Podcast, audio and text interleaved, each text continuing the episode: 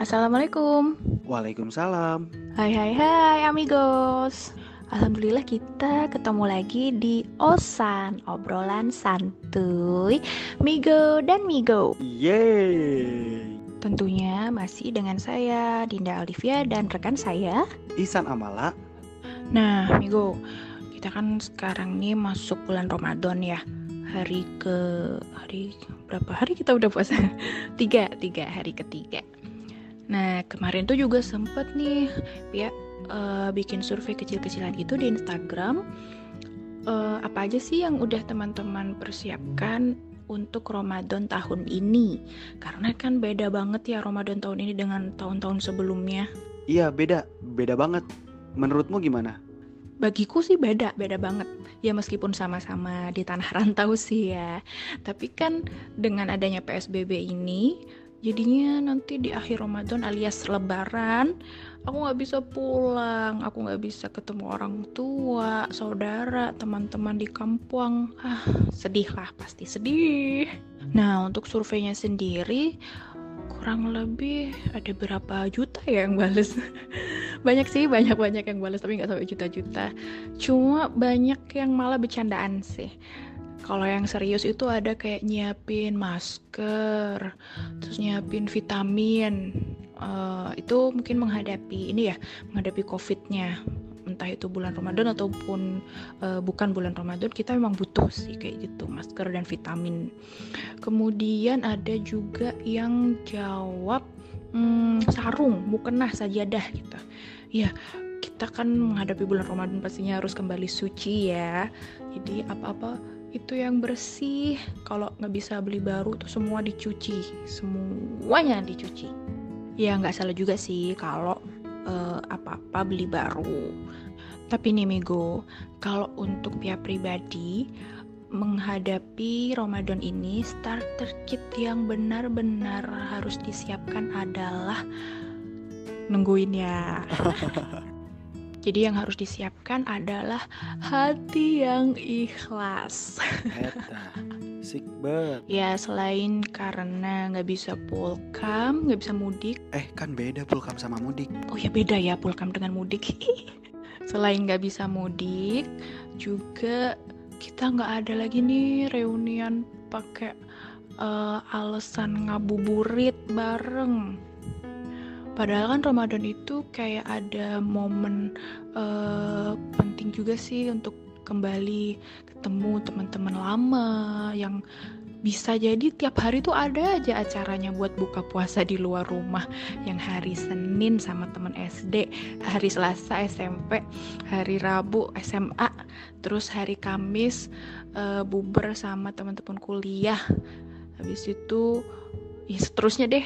Kayaknya jadwalnya tuh padet banget. Dan sedangkan kalau Ramadan tahun ini nggak bisa lah ya kita kayak gitu. Kalau dari Mas Migo sendiri gimana? Kayaknya kemarin juga bikin survei juga ya di Instagram gitu. Iya bener banget. Aku juga ngelakuin survei yang sama di Instagram. Dan mungkin jawaban yang masuk juga hampir-hampir sama sih. Starter kit Ramadan pada umumnya kayak peci, sarung, mukena, Al-Quran, dan sebagainya gitu. Tapi ada juga orang yang jawab tadi kayak yang Migo bilang soal keikhlasan. Mungkin karena suasananya yang begini, kita jadi dituntut punya hati yang lebih ikhlas gitu ya. Karena suasananya juga beda dari tahun-tahun sebelumnya.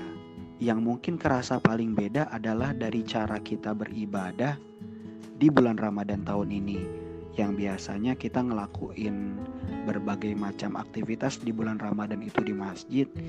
Dari kita sholat tarawih di masjid tadarus di masjid kemudian ngedengerin ceramah atau kultum di masjid.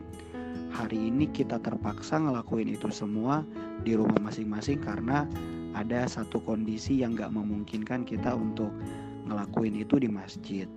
Tapi mudah-mudahan itu semua nggak ngurangin esensi dari ibadah kita di bulan Ramadan tahun ini. Nyambung apa yang tadi Mbak Migo bilang, aku juga ngerasain hal yang sama sih. Sedih, nggak bisa mudik, nggak bisa ketemu sama orang tua, keluarga, reunian sama teman-teman, buka bersama sama teman-teman. yang biasanya di tanggal segini kita udah muncul banyak banget nih grup panitia buka bersama SD, SMP, SMA, atau teman-teman kuliah. Dan tahun ini kerasa agak beda gitu ya. Dan kalau nggak salah Mbak Migo sendiri juga kan udah lama ya nggak mudik. Apa sih Mbak Migo yang paling dirasa sekarang di tengah situasi kayak gini tapi nggak bisa mudik? Iya sih, udah berapa bulan ya gak pulang. Ya banyak bulan lah. Um, perasaannya yang jelas sedih, jelas. Terus sebenarnya kan dari awal tahun itu udah nyiapin tiket buat pulang kan. Bulan April. Kalau nggak salah April tuh ada kayak long weekend gitu loh. Itu rencana mau pulang tapi harus di refund karena emang waktu itu sudah ada himbauan untuk nggak pulang masih himbauan belum larangan tapi aku memilih untuk nggak pulang dan ya hmm, kecewa sih jatuhnya. Sedih dan kecewa itu sih lebih lebih dominan ya itu tapi nggak masalah sih. Ya selama uh, saling berkabar ya aku ngabarin keluarga kalau aku di sini sehat dan aku juga tahu kondisi keluarga di sana juga sehat ya saling komunikasi lebih intens sih. Le, um, kayak nanya e, ibu masak apa hari ini atau uh, aku kirim foto hari ini masak apa kayak gitu jadi bener sih kalau dalam masa pandemi ini benar-benar harus memanfaatkan media komunikasi terutama bagi yang jauh Semoga selalu merasa dekat. Ya. Terus Migo sendiri gimana? Migo kan ini kan juga mudik kan harusnya. Jauh kan? Maksudnya nggak tinggal di Jakarta. Keluarga di mana? Terus respon mereka kalau tahu Mas Migo nggak bisa pulang gimana? Aku asalnya dari Kuningan, Jawa Barat dan Kuningan itu salah satu kota kecil yang ada di dekatnya Cirebon dan sebenarnya dari beberapa minggu kemarin juga aku udah ngabarin ke keluarga yang ada di rumah kalau kemungkinan besar lebaran ini aku nggak mudik walaupun sebenarnya aku pengen banget mudik tapi untuk kebaikan bersama mungkin ya jadi ini ditunda dulu begitu Terus ngaruh nggak sih sesama anak rantau gitu jadi kayak lebih kompak gitu? Misal Mas Migo dengan teman-teman kos atau teman-teman uh, kantor yang deketan gitu, jadi kayak kompak gitu saling menguatkan karena sama-sama nggak pulang, terus masak-masak bareng kayak atau apa? Eh nggak tahu ding, Mas Migo masak nggak di kosnya? Ngaruh ngaruh banget sih yang aku rasain. Karena mungkin tadi apa yang kayak Migo bilang senasib kali ya. Karena sama-sama anak rantau dan gak bisa mudik itu yang akhirnya bikin kekompakannya tuh jadi lebih kerasa. Kayak aku sama teman-teman kos aku beberapa hari terakhir ini kita juga sempat masak bareng gitu. Kayak sama teman-teman kantor juga. Walaupun jarak memisahkan tapi juga kita masih sempat saling kirim-kiriman sesuatu gitu. Kalau aku sih uh, sama teman-teman bertiga sering masak. Jatuhnya lebih sering masak belanja belanja bareng gitu terus kita patungan gitu. Terus untuk masaknya kan uh, bertiga ini nggak seberapa uh, jago ya masaknya. Jadi kadang-kadang masih telepon ibu di rumah nanya resep atau lihat-lihat internet gitu. Jadi ya kalau mau cari-cari hikmahnya banyak banget sih sebenarnya ya. E, kalau kita nggak pulang di bulan Ramadan ini karena kan bulan Ramadan tuh harusnya rekat dengan keluarga ya tapi sekarang kita harus jauh dari keluarga jadi deketnya sama temen. Jadi ya nambah momen baru aja momen berkesan gitu. Ya bisa lah nanti kalau udah tua ya udah punya cucu nanti cerita aduh cu dulu uh, nenek gak bisa pulang waktu lebaran sedih banget tapi gak masalah jadi bisa deket sama temen-temen. Apa sih? Gak jelas. Terus Migo uh, yang paling dikangenin kalau pulang pas Ramadan apa tuh?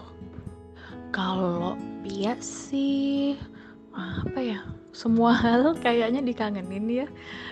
Kalau masalah menyangkut masalah rumah tuh kayaknya semua hal sampai yang hal-hal terkecil tuh kayaknya kangen. Kalau aku yang paling dikangenin di saat-saat Ramadan kayak gini yang ada di rumah itu masakan Umi sih. Itu yang paling aku kangenin. Ada cerita menarik nih Migo. Jadi beberapa hari ini kan uh, aku sama teman-teman kos itu kita masak bareng ya masak takjil gitu. Ya nggak seberapa jago dibandingin cewek juga sih. Cuma kita masak-masakan kayak bikin gorengan gitu buat berbuka puasa bersama gitu kan. Kemarin teman aku itu dia ada yang masak bakwan jagung gitu. Terus abis itu aku kan hari ini masak tadi ya.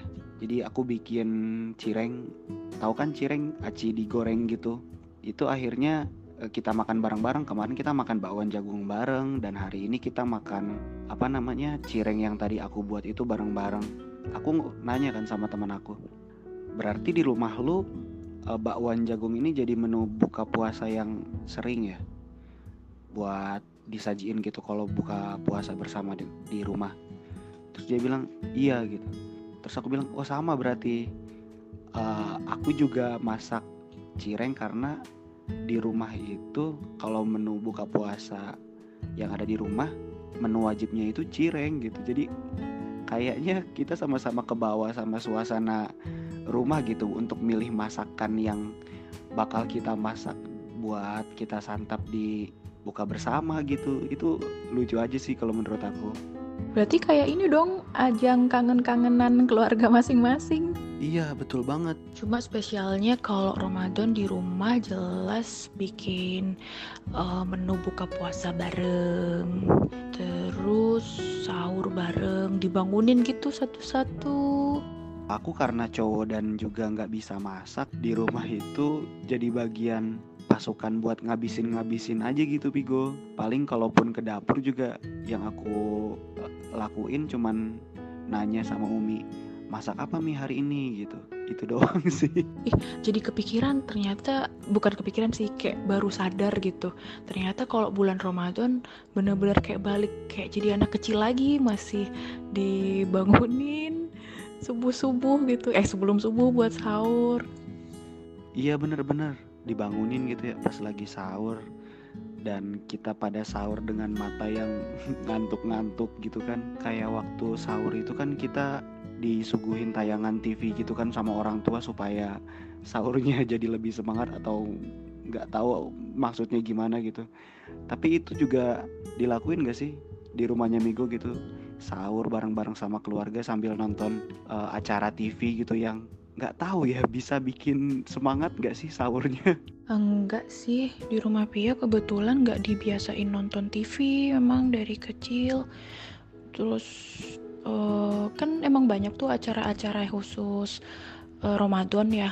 Itu Pia ketinggalan semua karena emang di rumah nggak nonton TV jadi ya sahurnya sahur aja di meja makan duduk bareng sekeluarga gitu. Oh beda berarti ya. Dan kalau menurutmu nih Migo Kalau emang ada hikmah terbesar ya Yang bisa diambil pelajarannya dari Ramadan tahun ini Itu kira-kira apa? Kalau dari pihak pribadi ya intinya ikhlas sih, bener-bener belajar ikhlas buat eh, nggak uh, pulang, nggak ngabuburit, nggak reuni dengan teman-teman itu. Bener-bener fokusin sama ibadah semestinya ya. Jadi fokus di rumah, fokus dengan ibadah Ramadan yang bisa dilakukan semampunya. Bahkan kalau bisa ya uh, memaksimalkan waktu dan tenaga yang ada gitu sih. Intinya ikhlas ikhlas ikhlas. Dan uh, pastikan semua ibadah kalau bisa kita lakukan. Amin ya Allah. Kalau Mas Migo sendiri gimana untuk ambil hikmah untuk Ramadan tahun ini? Kalau menurut aku kalau ada satu hikmah besar gitu ya yang bisa kita ambil dari tahun ini adalah Ramadan yang harusnya ya menguatkan solidaritas gitu karena kan situasinya kayak gini kita nggak tahu berapa banyak orang di sana yang mungkin di situasi Ramadan kayak gini nggak bisa makan sahur, nggak bisa untuk berbuka. Itu juga kan uh, harusnya menggerakkan solidaritas dari orang-orang sekitarnya ya. Dan ya karena ada keutamaan yang lebih juga kan selama bulan Ramadan ini kalau kita bisa berbagi, bisa ngasih orang-orang yang membutuhkan, kan katanya uh, akan dilipat gandakan gitu ya dari segi pahalanya juga. Aku berharapnya makin banyak orang yang tergerak sih hatinya untuk sama-sama peduli gitu ya. Karena ada yang menarik juga kan kalau dilihat dari data itu bangsa Indonesia adalah bangsa yang paling dermawan sedunia. Itu dari dulu sampai sekarang rankingnya ranking satu terus top lah pokoknya kalau untuk urusan itu. Jadi harapannya sih karena bangsanya paling dermawan gitu solidaritas uh, kebangsaannya juga bisa ditunjukkan gitu di bulan Ramadan ini nanti di saat lebaran dan seterusnya sampai krisis ini segera berakhir amin Amin. Berharap pandemi segera berakhir itu jadi doa seluruh umat sedunia. Ah, ya Allah. Oke deh Migo, ini kita udah ngobrol tentang starter kit Ramadan dan bagaimana kita menghadapi Ramadan tahun ini yang beda banget dengan Ramadan-Ramadan sebelumnya.